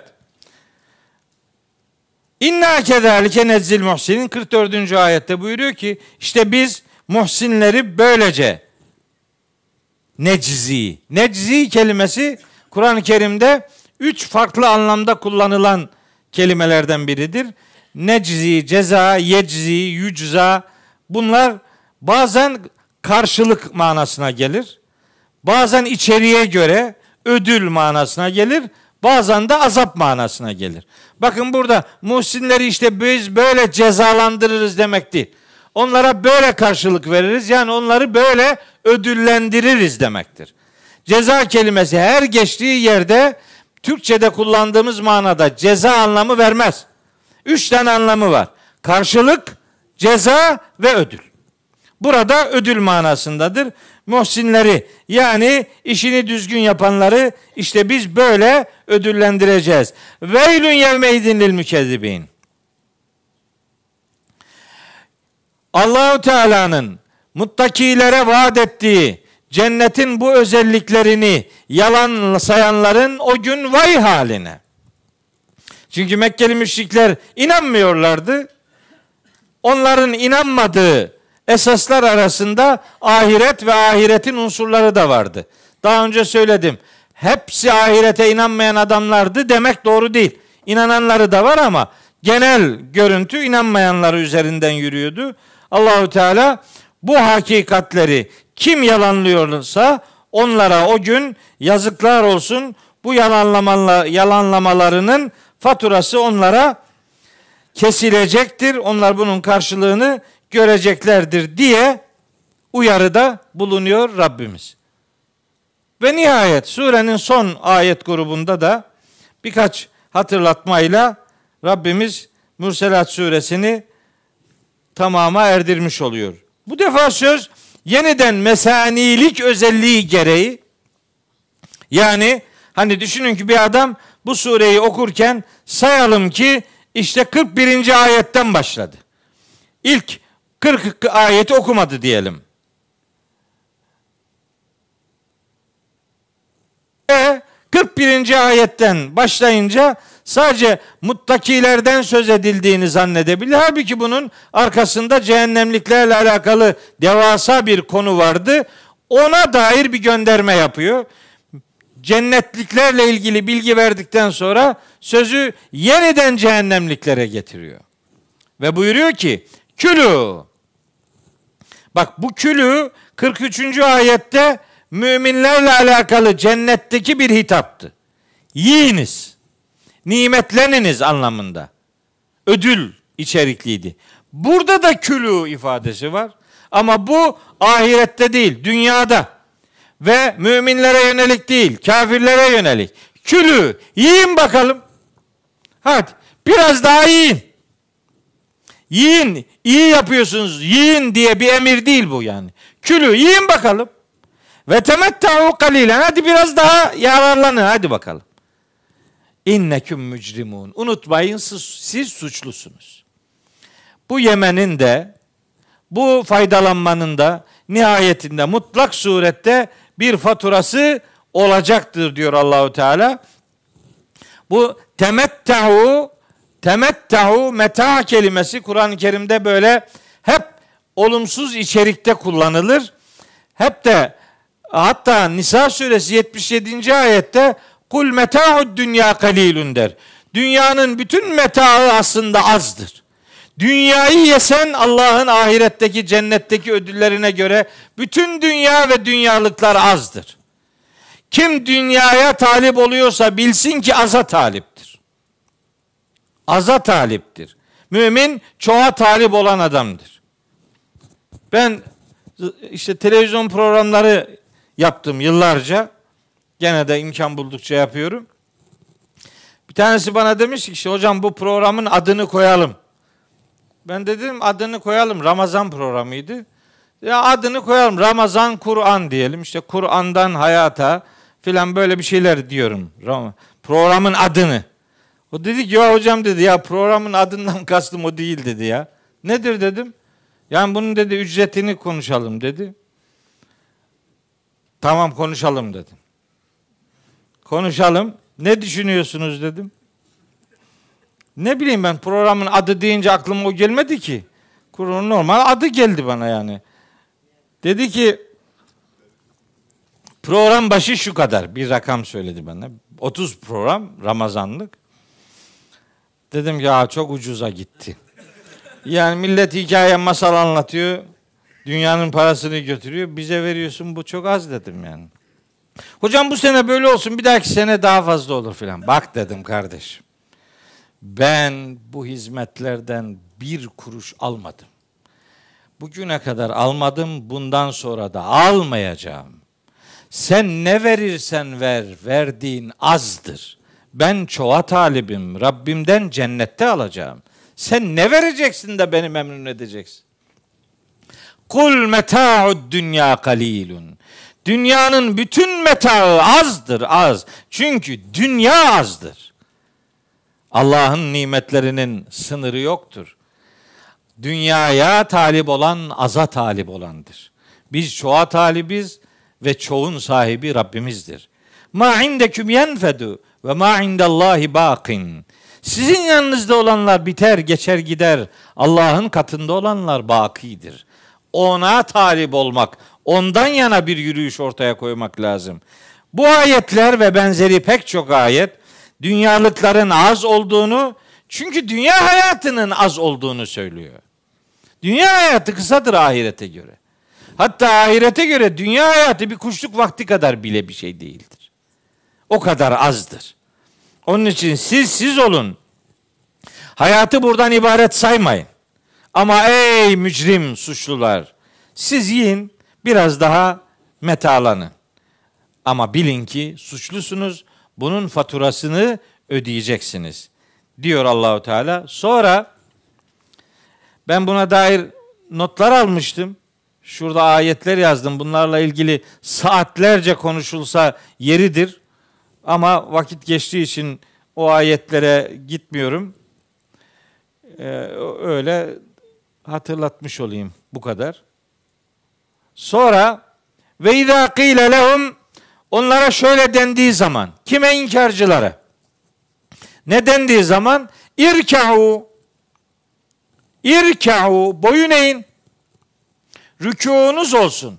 Yani bu fiziksel anlamda rükû manasında elbet elbet namazın içindeki rükû da bu kapsamda vardır ama henüz inanmayan adamın namazının rükuundan söz edilmez elbette.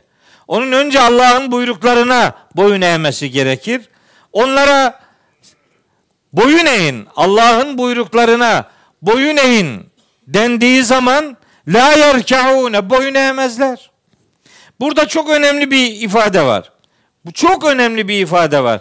Bakın bir önceki ayette külü ve temettau kalilen inneküm Arapçada işte muhatap kalıp bunlar. Yiyin işte yararlanın ama siz mücrimlersiniz. Hep siz üzerinden gidiyordu. Bu ayette 48. ayette hitap değişti. Onlar hitabına dönüştü.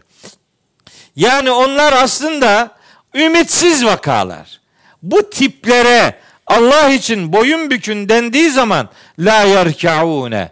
Onlar dün boyun eğmiyorlardı, bugün de boyun eğmiyorlar, yarın da boyun eğmezler. Onlar Allah'ın buyruklarına karşı heriflik yapmaya ve kibir taslamaya kendilerini programlamış adamlardır. Veylün yevme idin lil mükezzibin. Bu hakikatleri yani Allah'ın huzurunda ve onun buyruklarına karşı boyun bükülmesi gerektiğini inkar eden yalanlayanların o gün vay olsun hallerine. Veylün yevme idin lil mükezzibin.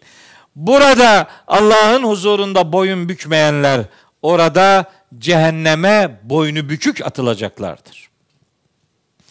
Burası Allah'a meydan okuma yeri değildir. Burası Allah'la ayaklanma yeri değildir. Burası Allah'ın buyruklarıyla alay etme yeri değildir.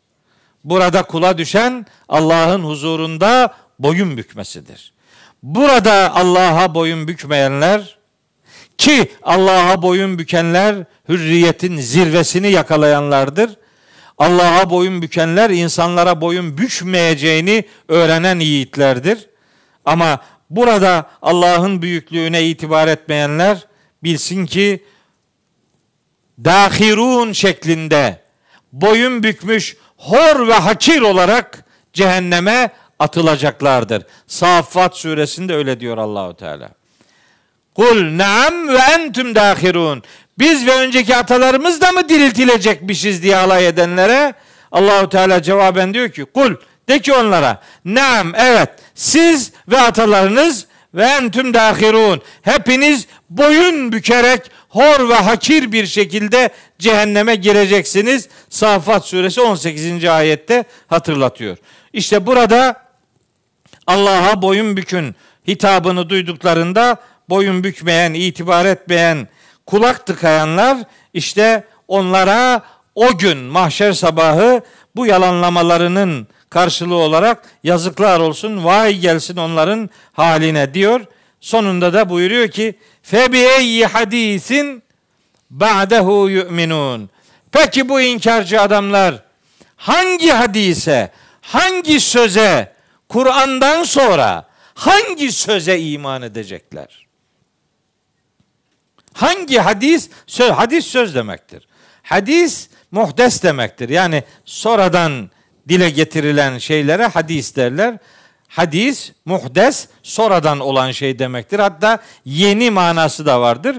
Hadis kelimesi Kur'an-ı Kerim'de genellikle böyle olumsuz içeriklerde geçer. Casiye suresinde var, başka surelerde de var. Ama Kur'an içinde geçer. Şimdi mesela bu ayetlere bakıyorlar. Mesela böyle bir hadis karşıtlığı olduğu gibi bütün böyle bir red içerisine giriyorlar. Hadis kelimesinden böyle alerji kapıyor. Bir, bir, bir kısım var. Bir kısım var rivayet gördüm Arapça olsun da ne olursa olsun daldırıyor. Bir kısım var Kur'an dışında ne varsa hepsini reddediyor filan. Ya ben onlardan değilim. Ben ben söylüyorum. Yüz kere söyledim. Süpürüp alanlardan da değilim. Süpürüp atanlardan da değilim. Ben Hazreti Peygamber'in Kur'an'a aykırı konuşmayacağına inananlardanım. Onun sözlerinin Kur'an'a aykırı olamayacağına iman ettiğim için Kur'an'a aykırı bir söz varsa hangi kitapta yazarsa yazsın eğer Kur'an'a aykırıysa o sözün peygamberimize ait olamayacağını bunun sıkıntılı ve sağlam aktarılmadığını düşünüyorum. Yoksa ama bir hadisin Kur'an'a uygun mudur, aykırı mıdır olduğunu ta, e, tespit edebilmek için neye ihtiyaç var? Kur'an'ı çok iyi bilmeye ihtiyacı var. Adamın Kur'an'dan haberi yok ki. O Kur'an'a aykırı mıdır, uygun mudur? Böyle bir metot uygulayamaz zaten. Adam diyor ki Kur'an'a aykırılığının kararını biz veremeyiz. Tabi sen veremezsin doğru. Tabi sen veremezsin çünkü sen Kur'an'ı bilmiyorsun. Ama bırak ben bunu vereyim. Yarım asırdır Allah'ın kitabını anlamaya çalışıyorum. Gece gündüz uğraşıyorum. Bir rivayetin Kur'an'a uygun mudur, aykırı mıdır bunu anlayamayacak mıyız hala? Ama kendilerinde böyle bir çaba olmadığı için onlar belli adamları, belli kitapları Kur'an'ın önüne de geçiriyorlar.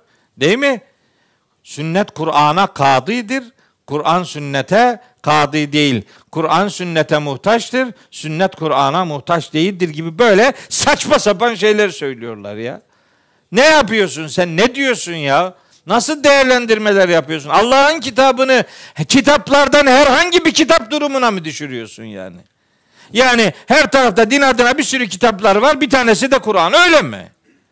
Yani Allah'ın kitabını sıradan bir kitap yapacağız. Öyle mi yani?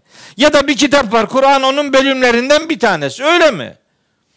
Peygamberin ifadesiyle söylüyorum. Fadlu kelamillahi ala gayrihi kefadlillahi ala halqihi. Allah'ın kitabının, kelamının diğer sözlere olan üstünlüğü Allah'ın mahlukata olan üstünlüğü gibidir. Yani kitabullah bir güneş mesabesindedir. Diğer ışıklar güneşten istifade edilerek uygulanıyorsa onlar bizim için ışıktır. Yoksa gece lambasından farkları yoktur. Gece lambasını ışık zannedenler güneşi görünce gözleri kamaşıyor. Güneş hakikattir. Yani Allah'ın kitabıdır. Aydınlananlar bundan aydınlansın. İnsanlara aydınlatılmak durumunda olanlar varsa onlar da bu kitabı aktararak aydınlatsın. Kitabullah, Kur'an, peygamberimizin hayatı boyunca Kur'an peygamberimizin hayatı boyunca risalet hayatı boyunca ümmete aktardığı metin Allah'ın kitabıdır. Kur'an'la gerçek hatırlatılır. Vahiy ile insanlar uyarılır. Cihadın en büyüğü Kur'an anlatılarak yapılır. Çünkü cihadın maksadı adam kazanmaktır, adam eksiltmek değildir. Dolayısıyla kim Allah adına bir duruş ortaya koyacaksa onun yapacağı tek şey Kitabullah'ı insanlara aktarmaktır. Hazreti Peygamber'in en sağlam sünneti de işte budur. Kitabullah'ı hayata aktarmak ve Kur'an'ın hayatla buluşturulmasında bütün çabasını ortaya koyan peygamberimizin izinden gitmek böyle bir fedakarlığı, böyle bir faaliyeti bizden istemektedir. Ben tavrını, tercihini Kitabullah'tan yana belirleyip Allah'ın kitabını hayata hakim kılma noktasında çaba sarf eden yiğitlerden olmamız duasıyla hepinize hayırla şekillenmiş bir ömür diliyorum. Dünyanız Kur'an'la aydınlık, ahiretiniz cennet ödülüyle taçlanmış olsun inşallah. Bir sonraki derste yeniden buluşmak üzere hepinizi Hakk'a emanet ediyorum. Rabbim ebediyen elinizi ve yüreğinizi bırakmasın. Allah'a emanet olun.